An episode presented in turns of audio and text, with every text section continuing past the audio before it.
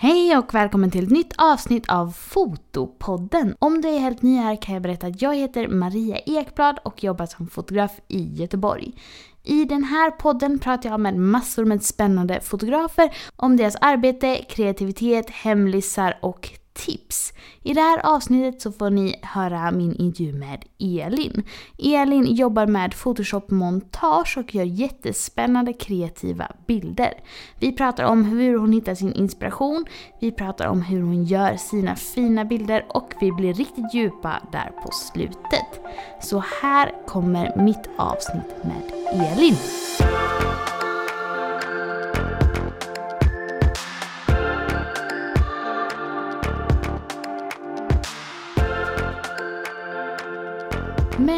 Hej Elin och välkommen till Fotopodden! Ja, tack! För de som inte känner till dig, vill du börja lite med att berätta vem du är och eh, vad du fotar? Ja, eh, Elin Slatkovic heter jag mm. och eh, jag är en 30-årig tjej från Skövde. Mm. Och här bor jag tillsammans med mina två barn. Mm. Eh, Enya 7 år och Elliot 3 år. Och min man. Eh, och hösten 2018 så skaffade jag min första kamera någonsin. Mm. Bara för att fota mina egna barn. Mm. Eh, jag hade inte en tanke på att fota kunder eller någonting. Eh, och sen blev det så att det blev ganska mycket förfrågningar direkt. Eh, så att jag började frilansa ganska fort. Mm. Och det gick också jättebra. Och sen så startade jag mitt företag hösten 2000 19. Mm. Eh, och jag tror att jag, jag hittade väl en stil som var ganska unik tror jag. Eh, för jag, jag fotar ju kanske inte vanliga porträtt utan jag blandar in lite budskap och eh, ja, lite olika känslor och skapar egna miljöer i Photoshop till många bilder. Ja, just det. Ja, du gör ju väldigt så fantasifulla, liksom arbetade bilder eller vad man ska säga. Lite mer fotokonsthållet kan man ju kanske kalla det. Ja, och det, jag tycker det är så himla kul att kunna sitta och pilla med det där och kunna skapa precis den vision man har i huvudet. Mm. Men eh, hur gick det till när du började få kunder då? För du sa ju att du köpte kameran och började fota dina barn. Hur ja. Eh, var det mellansteget? Ja, alltså jag vet, ja, det, var, det gick så fort så jag har inte riktigt koll på hur det hände heller. Mm. Jag vet att jag fick en förfrågan direkt när jag hade börjat, fotat mina barn så fick jag väldigt mycket beröm eh, för, efter första fotosessionen med dem. Mm. Eh, och då frågade jag även om, om det fanns några andra barn jag kunde fota som, och öva på. Liksom. Ja, just det. Och då var det jättemånga som hörde av sig. Och eh, sen efter tag så blev det ju så att eh, okända människor också hörde av sig. Och, och det var då jag såg min chans att kunna ta betalt. Då. Mm. Ja men vad smart. Men eh, hur lärde du dig kameran och redigering då? Eh, ja, alltså kameran, den fattar jag. Jag, jag kunde ingenting. Mm. Eh, 2018 där, jag visste inte vad bländare eller någonting var. Eh, och eh, jag gick med i, tack vare en lite mindre grupp där vi har varit kanske tio fotografer mm. eh, med olika inriktningar så har vi postat våra bilder där vi kritiserar varandra och, och för att kunna bli ännu bättre. Mm. Eh, och där kan man även ställa frågor om man undrar någonting och alla stöttar varandra och det är mycket tack vare den som jag utvecklas så mycket. Mm, för att ja, kul. Jag har tagit till mig eh, kritiken på bilder på ett bra sätt och tar med mig varenda ord. Mm. Eh, och kommer ihåg det till nästa gång så att det blir bättre och bättre. Just ja.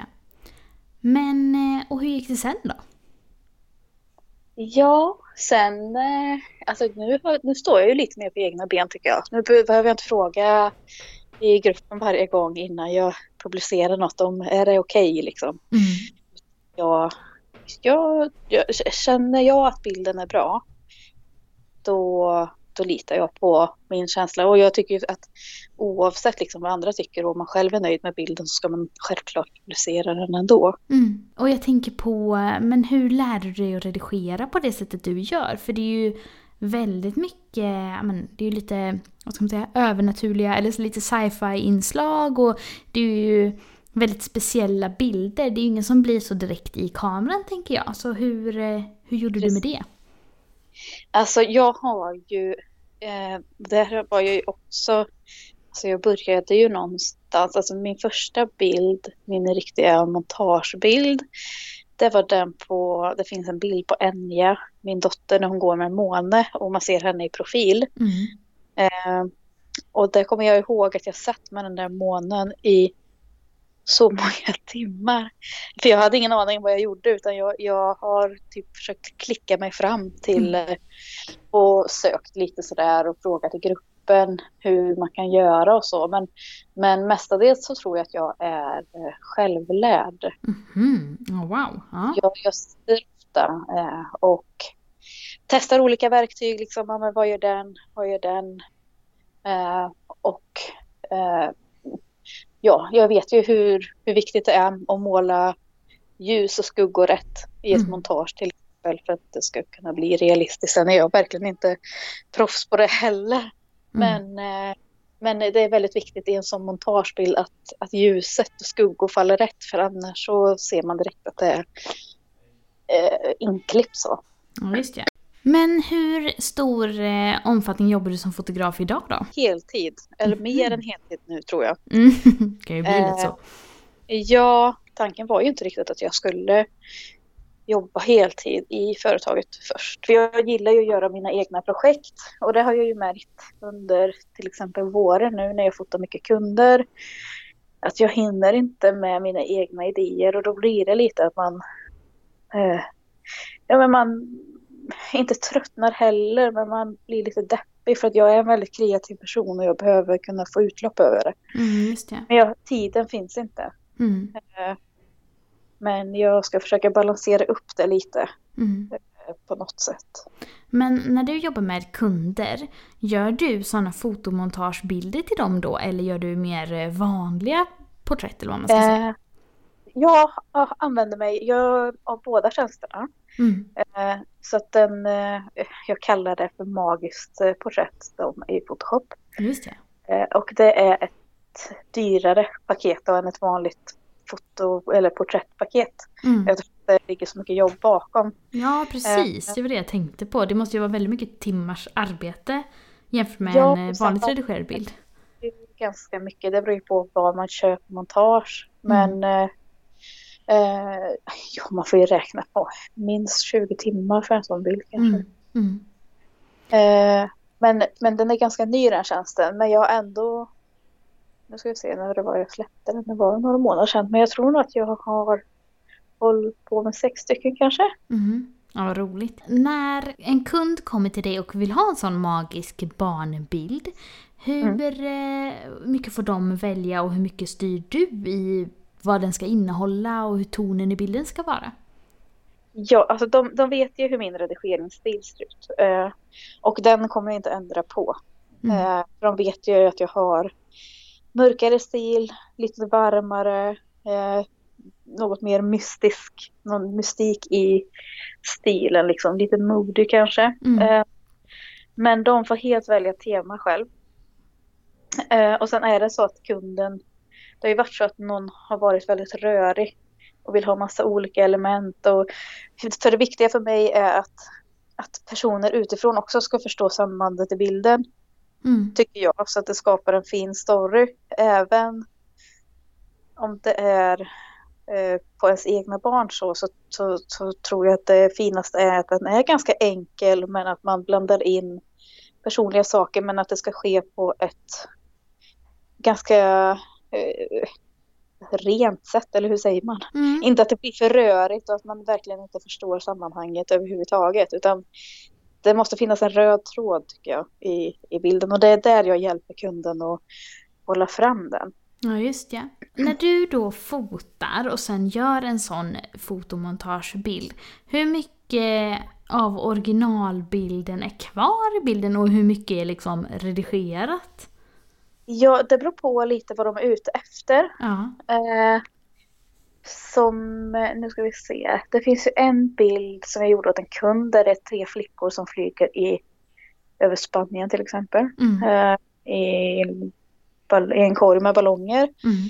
Där har jag bara fotat flickorna och alla andra element är ju eh, både egna bilder, stockbilder och eh, 3D, eh, vad säger man? Säger man inte 3D-bilder? Digital? Ja, just det. Ja. Men, eh, men det är det jag brukar använda mig av. Mm. Men vissa bilder så behöver man ju inte, det beror på om det ska vara utomhusmiljö eller inte. Fast det var det ju där, men jag hade lite svårt att ta mig till Spanien. Mm. Och få det, men, Ja, precis. eh, men eh, ja, det är som sagt, det beror på lite. Den med Enya månen till exempel så är det ju bara månen som är ditklistrad. Allt annat är ju vanligt. Men när det är mer avancerat som kanske mina senaste bilder Mm. då är det ganska mycket Ja, utbytt. just det. Men vad smart ändå att använda sig av lite sånt stockfoto för det kan ju vara svårt att ha en stor bildbank på allt själv kan jag tänka mig. Ja, mitt mål är ju mitt mål är och har alltid varit att jag ska samla på mig egna bilder. Men nu har ju corona satt stopp så jag kan ju inte Tanken är ju att få häftiga miljöer men det finns ju inte så mycket sånt här i Sverige tycker inte jag. Utan jag har ju haft planer på att åka till andra länder med lite mera maffiga miljöer då. Men nu, har ju, nu sitter man ju fast här och då, då fortsätter jag öva med stockbilder så länge. Ja, just det. Men hur ser du när du fotar om det här liksom blir en bild som går att klippa ihop med något annat? Eh, man får ju tänka perspektiv. Mm. Eh, liksom, eh, jag, jag, jag är ju inte proffs på det heller. Jag har ju inte hållit på så länge. Men jag, jag försöker lära mig mer om perspektiv. Och jag försöker tänka, nu gjorde jag en bild på min dotter Enja och min man när han blir uppsugen ur ett ufo. Och Mhm. hon står liksom närmare kameran om man säger så, närmare linsen än vad han är Just det. för att skapa ett annat djup i bilden så att det inte bara blir det här platta att fota framifrån hela tiden utan jag försöker även nu det senaste att tänka i andra vinklar och, och lite sådär för att det ska bli mer intressant i bilden. Mm. Men sånt kan jag tycka är så himla svårt. Eh, Men, men där måste man ju tänka då att vägen ska liksom, för hon stod ju på en väg då och hon är fotad bakifrån Mm. den måste ju liksom smalna av och sen så alla objekt som jag sätter dit måste jag även göra liknande perspektiv på som vägen. För den kan ju inte vara rakt, ja men liksom det kan ju inte vara, man måste sträcka ut den lite eftersom att den var fotad i ett sånt perspektiv då. Ja, just det. Ja, den är väldigt cool. jag Jag, har uppe din Instagram nu och tittar på den. Ja, ja men då, då ser du lite vad jag menar. Men jag tänker på eh, bilen där till exempel. Den har ju man ju fått dra ut lite till, för att den ska kännas som att det är samma perspektiv som på vägen. Ja, just det. Vi kanske kan lägga den på Fotopoddens eh, Instagram och hemsida så de som lyssnar kan gå in och kolla också. Ja. Men hur har du fotat din man här då? Har han legat på någon sorts låda eller något och böjt sig bakåt eller? Eh, ja, han ligger på en pall egentligen. Eh, och det är så jag brukar fota svävande människor. Ja, just det. Eh, jag har försökt att platta ut hans eller dra ut hans rumpa lite för den blev väldigt platt där på pallen. Men, men, jag tyckte det blev ändå ganska okej ändå. Mm. Ja men vad roligt. Jag såg också att du säljer en del eh, printar. Ja, Ja, vill du berätta lite om det? ju- Ja, printarna är nog min största inkomstkälla tror jag. Mm, eh, mm, vad roligt. Ja, och det är väl kanske inte så vanligt att det är så när man är fotograf. Jag vet inte riktigt. Eh, sen beror det på kanske vad man säljer för printer också. Men eh, det var ju mycket tack vare min print på Pippi i boxningshandskar Mm. som det slog igenom. Eh, och det var ju, ska jag dra hela storyn? Ja, också? precis. För de som inte vet vad det är för bild får du jättegärna berätta lite om den. Ja, för det var ju verkligen mitt genombrott eh, i...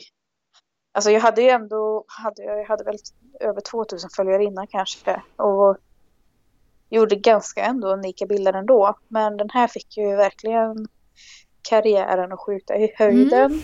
Mm. Eh, och det är en bild på en flicka, en rödhårig flicka som jag brukar använda som modell.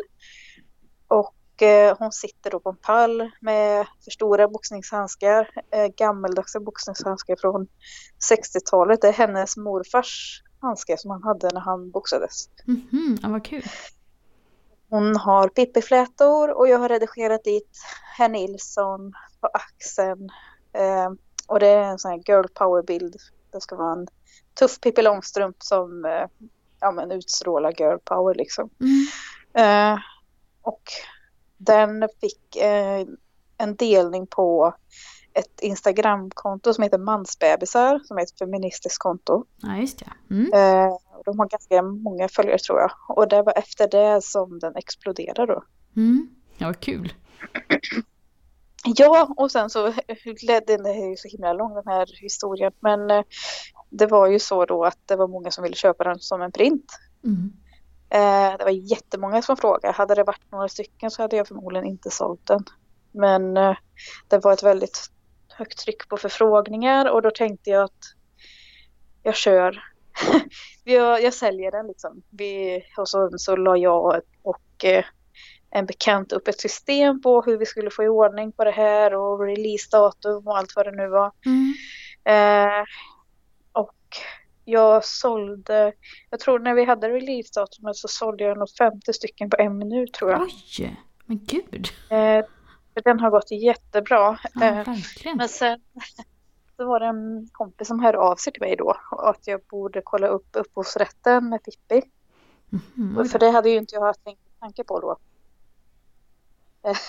Eftersom att, ja, jag vet inte, man är ju liksom ny i branschen, man har inte riktigt koll och så ja, gör man en bild som är och man blir lite sådär, ja, tar förhastade beslut. Och eh, då blev jag väldigt nojig där ett tag och det var jättejobbigt för jag hade redan sålt så mycket. Eh, så jag kontaktade Astrid Lindgrens eh, jurist. Mm. Pratade med dem och jag liksom bad om ursäkt och jag visade att det var verkligen inte meningen att trampa in på deras revir liksom, för jag hade inte ens en tanke på det. Eh, och sen så då frågade de då om jag ville vara med i kampanjen Pippi of Today mm mm. och sälja den här printen och då går 12% av intäkterna till Flickor på flykt. Och eh, det är då ett samarbete mellan Astrid Lindgrens bolag och Rädda Barnen. Mm-hmm. Ja, vad kul!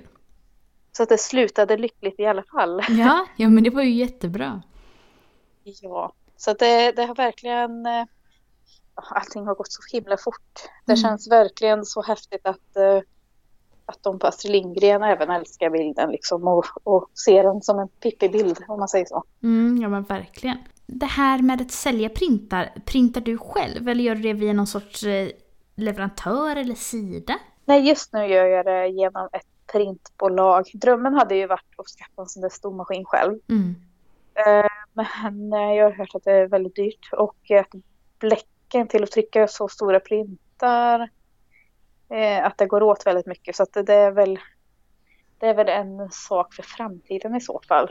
Ja, det blir ju väldigt mycket annan logistik också med att skicka, alltså packa och skicka och sånt. Eh, jag, jag, alltså jag, jag sköter ju i princip allt sånt själv också. Alltså mm. det känns som att jag har i mitt, i, i mitt företag har jag väldigt många olika jobbroller eller arbetsuppgifter. Mm. Eh, för jag säljer väldigt mycket till Norge mm -hmm. och där måste jag packa mina printar själv och eh, även hålla på med den här eh, det är ganska krångligt att skicka till Norge med tanke på att de inte är med i EU så att det är viktigt att fylla i med rätt tullgrejer och det är mycket pappersarbete för ja, att få iväg en print.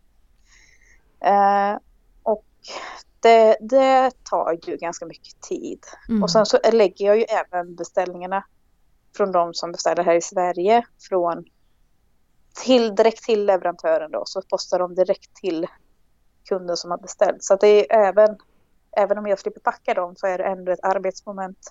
Vi har ju ganska bland... Vi? Jag har ju ganska blandat med lyssnare här. Några som är väldigt nya som fotografer och andra som har jobbat lite längre. Men ungefär hur mycket tar du betalt för en print? Eh, för, ja, eh, oh gud, jag måste gå in på min hemsida och kolla. jag tycker bara sånt är lite intressant just för att Ja men just det med priser och sånt är så himla mm. svårt för många som är nyare. Och det är ju så himla viktigt att man, alltså just om man säljer produkter, att det blir någon sorts lönsamhet mm. i det. Så därför tycker jag bara det var lite ja. roligt. Och det är ju, det är ju så, det, det är ju så himla viktigt att inte lägga sig för lågt för att det är svårt att höja sen då. Eh, men jag, sen beror det ju på hur eftertraktad bilden är. Mm.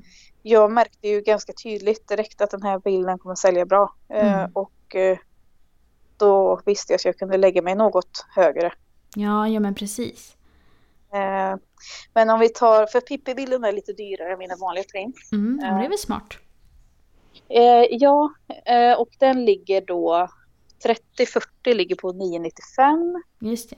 Och 40-50 1600 och sen 70-100 ligger på 3300. Då har man ju en uppfattning i alla fall. Ja. Men nu då när du eh, skapar egna bilder. Du sa lite att du inte hade hunnit med att göra det så mycket för din egen skull. Men eh, blir det ibland så här, eller det jag undrar över egentligen, eh, hur du jobbar när du tar fram nya idéer för att prin göra printar? Eller om det, ja. Du tänker att, uh, att jag känner att jag behöver de kreativa tankarna och idéerna för att, eller, eller liksom att jag gör de bilderna för att kunna skapa ett print. Ja, precis. Om det är åt det hållet eller om det är mer att du kör på det du gillar Nej. och så ibland blir det en print. Eller jag vill höra lite om det. Ja. Nej, precis. Inget. Jag har aldrig, aldrig när jag gör en bild så har jag aldrig print i baktanken utan jag gör det jag tycker är kul mm. oftast. Eh, jag älskar ju, och det kan jag ju märka också, det märker jag ju tydligt. Eh, jag tror att jag har fått en viss följarskara bland mina följare som kanske uppskattar vissa bilder bättre än andra. Eh, och det är ju mycket, de bilderna som blir mycket uppskattade det är ju de här vackra, gulliga på barnen med rävar och djur och allt vad det nu är. Ja, just det. Lite Medan så jag, mystiska.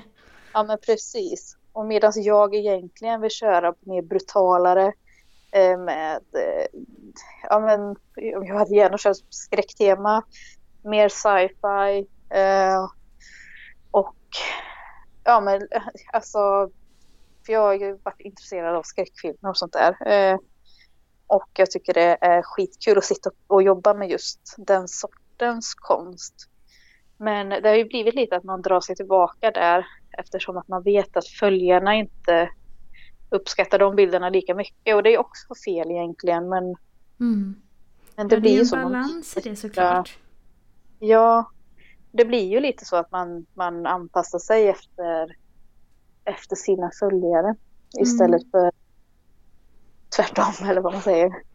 Ja, nej men det är svårt det där. Så kan jag ju känna med mina, mina liksom bilder. Att eh, ja, men vissa bilder ger mer likes än andra. Men eh, jag vill ju samtidigt jag tror väldigt mycket på det här show what you wanna sell. Så om jag var du hade jag nog smugit in mer och mer sånt som jag hade velat göra just för att liksom då kommer Precis. man ju få sådana följare och man kommer få bokningar för det också.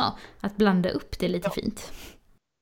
Ja, för jag gick faktiskt ut med frågan för ett tag sedan på min Instagram. Mm. För tanken är att jag ska börja fota mer vuxna modeller för att kunna göra mera eh, ja, men, avancerade skräckscener eller kanske fota på ett, alltså inte mer sexigt sätt, men eh, alltså du förstår vad jag menar. Alltså, ja, med sånt man kanske inte vill sätta ett barn dräkter. i. Nej, men liksom, nej precis. Uh, och, och då frågade jag om, om följarna tyckte att jag skulle skapa ett till konto för just den sortens bilder och sen behålla ett barnkonto. Men då var det ju många som alltså nästan alla procent sa att jag skulle ha ett konto för att de följer inte mig för att jag fotar barn utan de följer mig för min konst. Ja, eh, precis. Eh, och då blev jag väldigt glad och tacksam för att då kände jag ändå att jag fick lite fria händer ändå. Ja, jag tror det är mycket lättare också att upprätthålla ett konto än att ha ja. flera, även om det ibland kan vara strategiskt att dela upp. Ja, men precis. Jag tror att det är svårt att få över alla följare eller många följare till, till konto också. Mm. Även om de Även om de hade varit intresserade av de bilderna med så, så tror jag att man tappar väldigt många till det nya kontot där. Ja, just det. Eller, att de inte följer med då. Mm. Var eh, hittar du din inspiration ifrån då? Ja, eh, det är lite olika. Alltså det är både filmer och sen är det från andra fotografer. Mm. Eh, jag försöker ju att liksom inte, jag vill inte kopiera någon utan jag hämtar inspiration från många olika. Mm. Sen kan det ju vara så att jag ser en bild som någon har gjort och så tänker jag ett liknande scenario fast jag byter ut hela scenen ungefär. Mm. Och ja, musik. Och sen så ofta är det, oftast är det att idéer ploppar upp i huvudet bara typ rätt upp och ner. Mm. Mm. Och ibland, speciellt på natten eller när jag ska sova. Och då känns mm. alla idéer så himla bra. Ja, och sen när jag vaknar så inser jag att nej, det var nog inte så bra. Ja, men vissa brukar ändå vara bra, även om man tycker man är ett geni. Precis innan ja. man ska somna där. Jag känner ja, igen det där. Ja, nej, men man blir så himla kreativ där ett tag. Men eh, ja, sen när man blir lite mer klarsynt när man vaknar så lät det kanske inte så bra. Men hur går du tillväga då? Från att du har fått en idé till liksom färdig bild, hur ser den processen ut? Eh, först då tänker jag på idén ett tag. Mm. Eh, jag har den i huvudet. Eh, tänker liksom rekvisita. Alltså jag planerar ju ganska mycket inför ett, en fotoidé och speciellt om jag känner att jag verkligen brinner för det liksom. Mm. Och tror att det kan bli bra. Då, är det, då måste jag hitta rätt saker till det. Eh, så rekvisita och sånt försöker jag hitta. Eh, och kläder, det ska vara matchande färger, det ska vara bra färger, det ska vara rätt färger. Eh, jag kollar runt lite även på olika stocksidor och liknande för att kunna hitta inspiration till miljöer och sånt där. Mm. Um, och uh, ja, det, det, alltså det är ett tag att planera så att jag kan nästan få lite, jag får alltid ångest och känner mig stressad när själva fototillfället ska ske. Mm. För att jag har planerat så länge och då är det så här, ja men nu är det sista biten, nu måste vi sätta det här. Uh, ja, det måste ju vara ganska höga förväntningar då ändå. Ja, och det är ju oftast ganska svårt med barn också. Ja, eh, för det var det som jag tänkte på, att det är ändå imponerande att du använder dig av så mycket barn just för att de är ju lite svårare att styra. Ja, de, de tröttnar ganska fort så att eh, vissa gånger så får man ju verkligen vara snabb. Eh, och då får man nästan lite nöja sig med vad man får. Mm. Men eh, det brukar oftast bli bra ändå. I, I början kan man känna att nej men det blev nog inget liksom. Men sen när man har kollat igenom bilderna några gånger så får man ju nya ögon på det. Mm, just det. Men eh, det är absolut en utmaning att, att använda sig av barn. Mm. Och när du har fotat sen då? Hur gör du sen? Ja, om, om jag då ska börja eh, sätta mig med det här montaget då, då öppnar jag först ett nytt dokument. Mm. Eh, sen frilägger jag ju eh, det, de på mina bilder. Och om det är någonting, någon stockbild så frilägger jag den med. Till exempel om det har varit någon, något djur eller någon räv eller någonting. Eh, och sen liksom, alltså jag pusslar ihop eh, miljön och eh, det där först. Mm. Eh, och miljön, perspektiv och få det rätt. Och sen så börjar jag att ändra färger. Alltså det är ju otroligt viktigt att färger stämmer överens också mm. med eh, miljön. Jag har ju sett andra som också kör Photoshop och fotar in, photoshopar in djur där de inte har till exempel ändrat färgen på djuren överhuvudtaget. Eh, utan det är ju de, djuret kanske är jättevarmt och sen är miljön jättekall. Ja, och, och, då ser det väldigt ynkligt ut. Mm. Uh, så det är viktigt att och tänka på mm. fram rätt toner och färger i, i det man klistrar in. Mm. Och hur länge brukar du sitta då? Du nämnde 20 timmar förut. Är det något sorts snitt? Ja, alltså jag har aldrig tagit tiden direkt. För att det blir ju så att man sitter lite pö om pö när jag hinner. Eh, vissa gånger kan jag sitta riktigt länge. Eh, då kan det ju vara en hel dag. Mm. Från eh, 10 på förmiddagen till, till 21 på kvällen. Åh oh, herregud, ja. Eh, fast jag hämtar barnen emellan då. Men, mm. men eh, nej men det, kan, det kan bli väldigt mycket tid framför datorn. Och det, jag har väldigt, väldigt lätt för att slukas in i saker när jag brinner för det. För jag har en ADHD-diagnos också. Mm. Vilket gör att eh, jag, jag fastnar i något. Det är svårt att släppa när, när jag väl eh, har kommit igång. Liksom. Mm. Och det är även svårt att ta tag i saker eh, mm. som är mindre roliga. Men eh, men eh, jag älskar ju att sitta och pilla på det där. Det, är ju, det blir lite som en verklighetsflykt att mm. sitta där och, och greja. Och så brukar jag lyssna på podd eller musik samtidigt. Ja, just det. Då har du 60 avsnitt av Fotopodden att klämma nu då. Ja, det ska bli väldigt spännande. Det ska jag verkligen lyssna på. Men det jag tänkte på, ja för man måste väl nästan gilla att sitta och redigera så mycket om man ska göra sådana bilder. För jag tänker, jag fotar ju nyfödd fotografering ganska mycket, men då är det ju kanske lite mer tråkiga grejer. Typ sitta och redigera bort eh, röda märken eller ja. alltså bebisar har ju mycket plitor. Alltså det är ganska mycket sånt tråk. Men det kan ju ta väldigt lång tid om, om en bebis eh, ja, men har ganska utmanande hy. Men... Ja, jag städar ju hyn också ganska mycket. Men, men jag kan ändå tycka att även den delen är ganska rogivande också. För mm. att jag tycker det blir som, det är så kul att se vilken skillnad man kan göra. Eh, ja, för det är ju väldigt stor skillnad. Eh, men, men det roligaste momentet i montaget är nog när man börjar måla ljus. För att det är då man verkligen ser eh, eh, effekten av ljus och skuggor. Det är, liksom, det är det som är pricken över i för att få bilden komplett sen. Ja, och det är det jag, jag jobbar med det sista sen. Ja, och det känns nästan på ett sätt som att det kan vara bland det svåraste. För att det är ju det som verkligen måste bli rätt som du säger. Ja, och då får man ju titta liksom på ljuskällorna. Men säg då att vi har men vi kan ta det där du fått då. Jag vet inte om jag har gjort rätt med ljustänket där, men jag har nog ungefär gjort rätt i alla fall. Då får man ju tänka på om det står ett objekt framför ufot. Mm. Uh, ufot strålar ner liksom. Då får man ju tänka hur slår det ljuset på bilen? Vilka delar på bilen slår den på? Mm. Och det är de då som man måste börja uh, fylla i då. Mm. Jag tror jag jag har jobbat som fotograf i sju år, men just sådana grejer, och ljus är egentligen så basic, men det är samtidigt allt inom foto. Men just ja. det är det som har tagit mig allra, allra längst på något sätt att se och träna mitt öga riktigt ordentligt i. Så jag tycker det är imponerande för jag, jag hade nog haft svårt med det även om jag jobbar med det hela tiden. Ja, jag tror ju... Alltså jag, jag har nog haft ganska bra öga från början med ljus. Mm. Eh, jag tror att jag har haft ett ganska bra öga överlag. För annars hade jag nog inte varit där jag är idag på så kort tid. Nej, så att jag, någon, Nej, någon, sorts, någon sorts, något bra öga som måste jag ju ha haft för det liksom. Mm. Men eh, jag, jag kan ju definitivt bli bättre.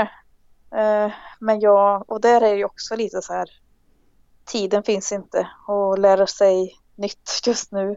Eh, så det känns lite som att det står och stampar i utvecklingen just nu. Men jag mm. hoppas att det kan ta ett språng snart igen. Ja, alltså jag tycker det gör det när det minst anar upplever jag. Eller jag brukar ja. känna att när jag tröttnar på mina bilder och tycker de är dåliga. Då står jag liksom inför en sån utvecklingssteg. Att när man börjar se typ brister och sånt väldigt mycket. Att då är man på väg mot nästa nivå typ. Ja, ja men visst är det så. Och det, även om det är en jobbig period så är det ändå också fantastiskt att man, att man känner att man kommer någonstans. Mm. För att det, det är ju det som jag verkligen också brinner för och det är ju att känna att man blir bättre och bättre. Mm, ja men verkligen. Men hur är det, de, dina kunder då som inte är de kreativa projekten, är det främst barn då eller vad fotar du där? Eh, ja, barn och familj är det då. Ja, just det. Oftast. Sen är det en del gravida också. Mm. Sen har det ett par bröllop. Mm. Eh, ja, men det har varit lite blandat där. Just det. Eh, porträtten där har blivit väldigt uppskattade också. Mm. Um, så det är ju jättekul. Den är ju, den är ju mer efterfrågad än montage men det har nog mycket med prisskillnaden att göra det skulle jag tro. Men hur hittar dina kunder dig då? Jag tror, alltså Instagram är ju min största marknadsföringssajt eller vad man ska säga. Så ja, det, det är ju där alla med hittar mig. Mm. Och eh, jag marknadsför Pippi ganska frekvent. Mm. Eh, ganska hårt. Eh, vilket ger jättebra resultat varje gång. Eh, och då hittar många till mig och de, det jag får jättemånga DMs varje dag om att folk älskar mina bilder och jag blir jätteglad och tacksam för det. Mm. Och, och då frågar de om fotografering då. När jag tittar på dina bilder här, dina liksom icke-montage, lite mer kundbilder, du har ju väldigt så härlig eh, blurrig bakgrund. Så vad är det för brännvidd du brukar fota med? Jag fotar, när jag kör vanliga porträtt så här, då kör jag, när jag vill ha den här drömska känslan, då är det alltid 1,4. Ja, okej. Okay. Mm. Största delen. Om det inte nu är flera personer i samma bild då, men... Ja, just det. Ja, vad roligt. Står men eh, ofta 1,4. Mm. Och mitt mest använda objektiv är Sigma Art 85 mm 1,4. Ja, just det. Det är ju en härlig brännvidd. Ja, nej, men den linsen är fantastisk och den är ju väldigt prisvärd också. Så att eh, funderar man på att skaffa en bra porträttlins så tycker jag att det är en bra att satsa på. Ja, just det.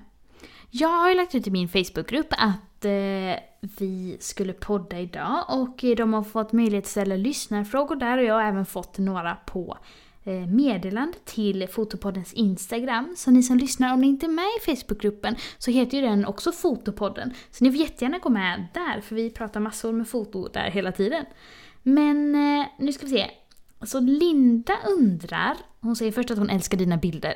Och sen så undrar hon, vad är ditt bästa redigeringstips?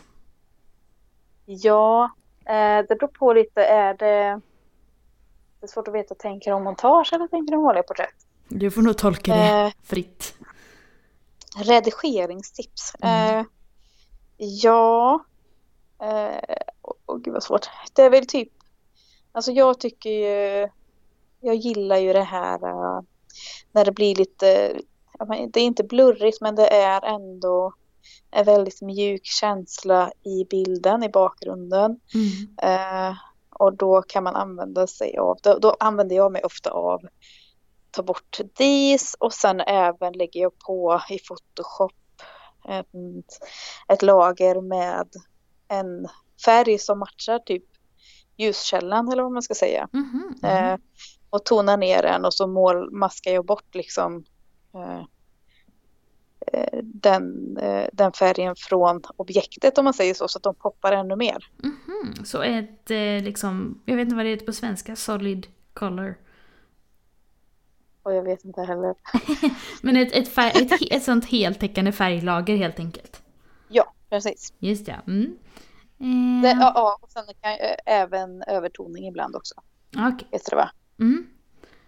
Eh, Ida undrar de bästa tipsen om man ska gå från hobbyfotograf till arbetande fotograf. Vad man bör satsa på eller göra för att sticka ut?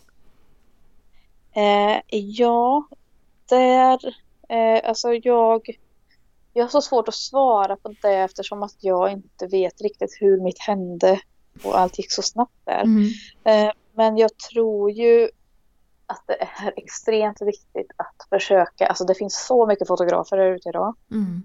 Eh, och man, man måste försöka, för att kunna sticka ut och för att folk ska kunna veta ens namn, då behöver man antingen vara jäkligt duktig på marknadsföring Eh, eller då att man har en stil och ett tankesätt som sticker ut eh, från vad andra gör.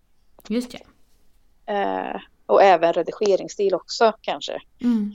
Eh, så att man verkligen hittar något som, det ska liksom vara så här att om någon, om en person tittar på din bild då ska den se direkt om det där är den personens bild. Just det. Alltså att man känner igen eh, stilen liksom. Mm.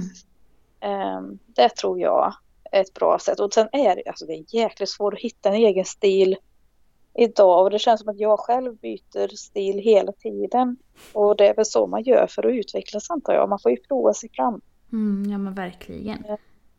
Och det är ju så, man blir ju inspirerad av andra och då kanske man provar att redigera mer åt eh, sin dåtida förebildsredigering och sen så kanske man byter förebild och testar något nytt. Så man ska ju definitivt inte vara rädd för att prova och experimentera heller. Mm.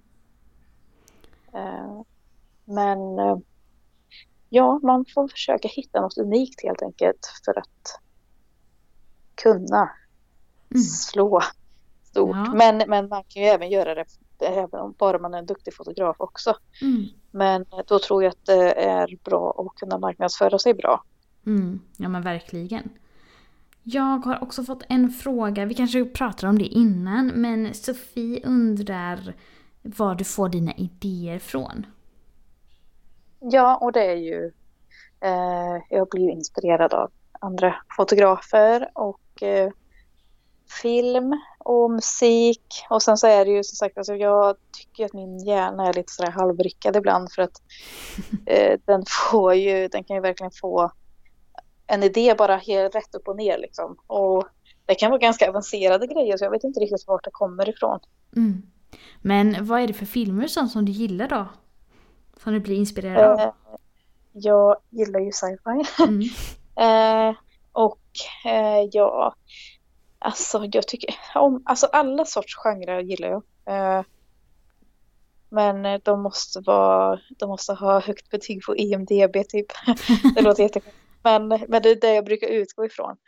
Eh, men eh, skräck, sci-fi och jag gillar krigsfilmer. Eh, speciellt andra världskriget och, och så. Men där är det ju, där har jag också funderat på att redigera eh, om andra världskriget liksom. Men sen så, man vill ju inte trampa någon på tårna heller utan mm. det blir ju lite sådär att jag vet inte hur långt man vågar ta sin konst egentligen. Och konst är ju konst så att jag tycker att man ska få skapa lite vad man vill. Men... Mm. Eh, ja men jag förstår dilemmat ändå. Ja.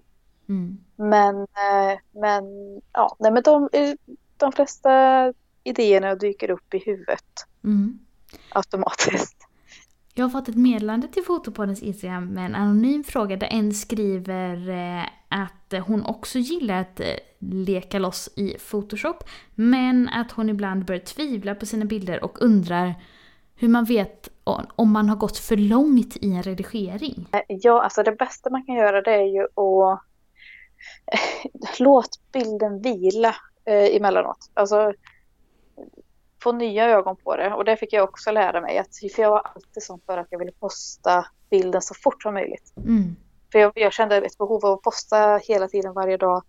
Och då kunde det bli så att redigeringen kanske inte alls var bra. Det kanske var för mycket kontrast. Det kanske var för mycket, ja men något annat. Och, och, och då är det bra att, att låta bilden kanske vila ett par dagar, gå in och titta på den igen.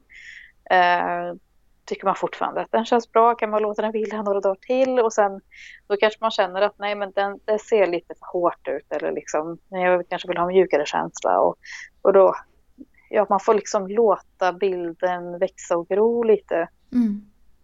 Uh, och sen är det ju jätte, jättebra att fråga andra fotografer som har mer erfarenhet vad de tycker också. Det är som jag sa, den här gruppen att man även kan få feedback på sina bilder. Mm, precis. Och det kan jag också igen tipsa om Fotoportens Facebookgrupp. Där får man jättegärna lägga upp om man vill ha konstruktiv kritik eller undra någonting om någon bild. Ja, och, och man ska ju absolut inte ta illa upp med konstruktiv kritik för att det är, det är den som får en att utvecklas. Mm. Ja, nej, det kan nog vara svårt det där också. Jag, jag jag har sett diskussioner i andra grupper där folk har tyckt det varit jobbigt samtidigt som mm. folk har tyckt att men du har ju faktiskt bett om att få höra. Så man kan nog ändå vara ja. beredd på att man får, eh, får ärliga svar jo. om man frågar. Jag tänker att så länge man ber om kritik eller om, så länge man ber om är det något som ser konstigt ut då får man vara beredd på att få svar. Men lägger man upp en bild och skriver ja men den här gjorde jag idag till exempel. Och så får den då skriver en massa kommentarer om den som vad som är fel och sådär. Det kan jag tycka är fel om man inte har bett om kritik. Mm. Eh, ja det är ju faktiskt lite skillnad. Ja, mm. men har man bett om det så, så har man ju bett om det. Mm. Eh, jag, har, men... jag har en fråga som jag undrar, för vi, du nämnde det lite innan, för jag kan ibland, eh, jag känner igen mig lite i en sak som du sa. Eh, att du pratade om att det, det kändes jobbigt när du inte hann med dina egna kreativa grejer. För jag har ju också haft foto som hobby och sen så har det blivit mitt jobb. Och nu har det nästan blivit att jag men gillar att göra andra grejer istället som för skojs skull som är kreativa. Typ att jag filmar väldigt mycket.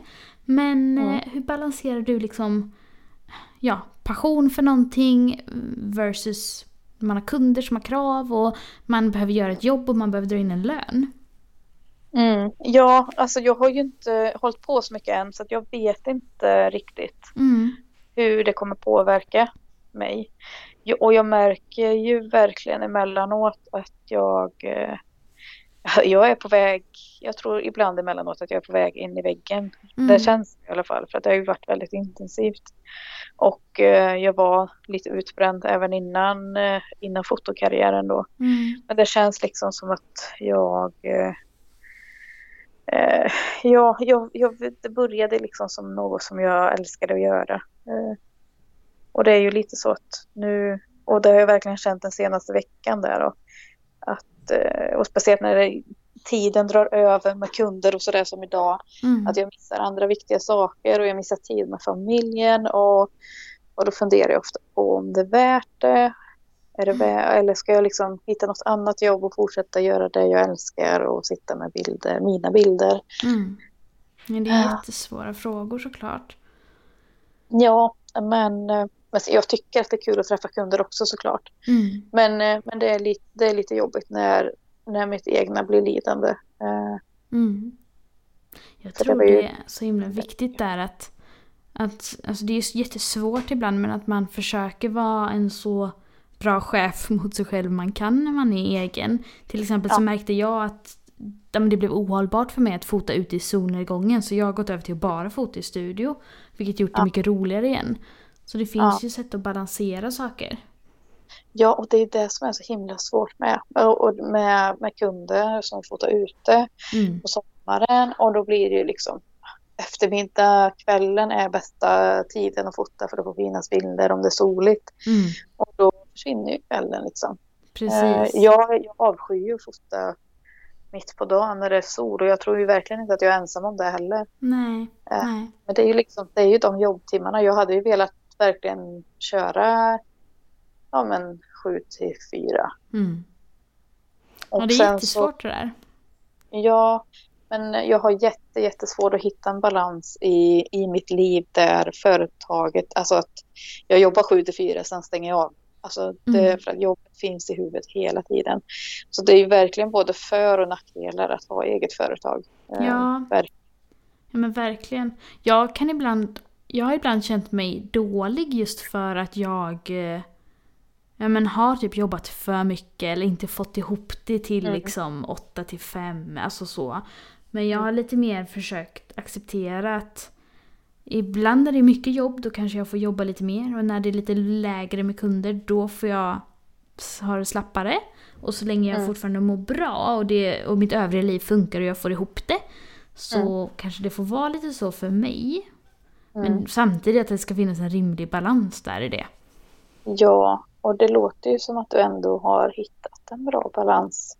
Och eh, att du accepterar att det är som det är liksom. Och det är ju väldigt, det är ett stort steg. Ja, eh. men man är ju så olika i det också. Som nu, vi kan ju avslöja att vi sitter och poddar. Klockan är ju, ja nu är hon halv elva. Men jag har liksom inte... Det blev ju lite försenat. Ja, men, men jag menar att jag har inte så ont av det här för att jag kunde ändå typ, alltså att det är sent menar jag, för att jag kunde sitta och kolla på serier med min kille innan och eh, kommer väl göra det efteråt också.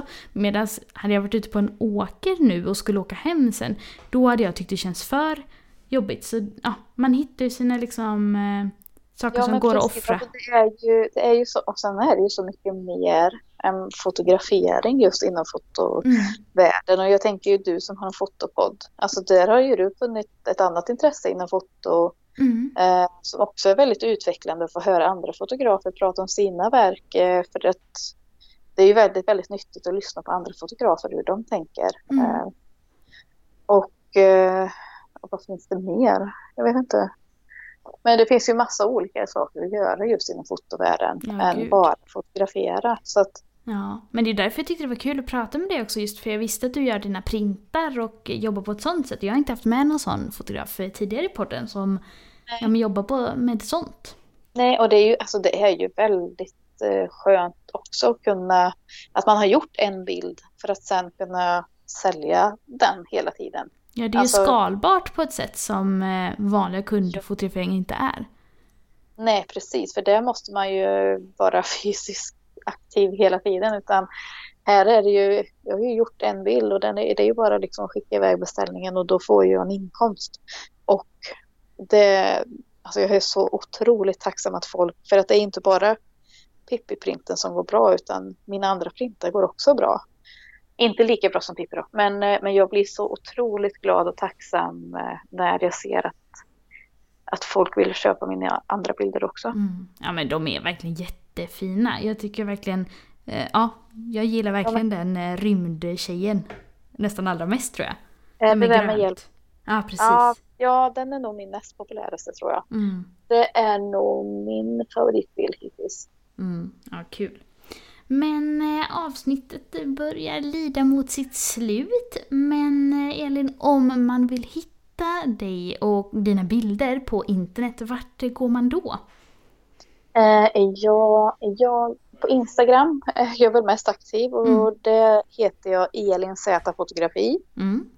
Eh, och sen har jag en hemsida det är www.elinsfotografi, alltså elinzfotografi.se. Mm. Och där kan man köpa printar. Mm. Eh, och jag håller just nu på att uppdatera den sidan. Eh, jag har en som håller på att jobba på min hemsida. Okay. Och där kommer även eh, priser finnas för fotografering och montage eh, i Photoshop också. Ja just ja, vad roligt. Ja, för jag var inne och snokade lite på den tidigare idag ja. när jag gjorde lite research. Det finns inte så mycket info där tyvärr. Nej, precis jag såg det. Ja, vad kul att den är på gång. Ja, jag kände det var dags. Det blir väldigt mycket mail att svara på. Ja, nej men det är väl jättebra. Så kan man hitta dig via Google också. Så det är toppen. Ja, mm. precis. Fotopodden hittar ni ju på Facebook och Instagram och eh, Fotopoddens Facebookgrupp har vi ju nämnt flera gånger här i podden.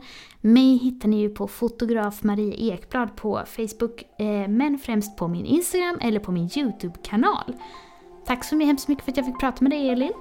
Men tack snälla för att jag fick vara med. Ja, det var jätteroligt. Hej då alla lyssnare! Hej då!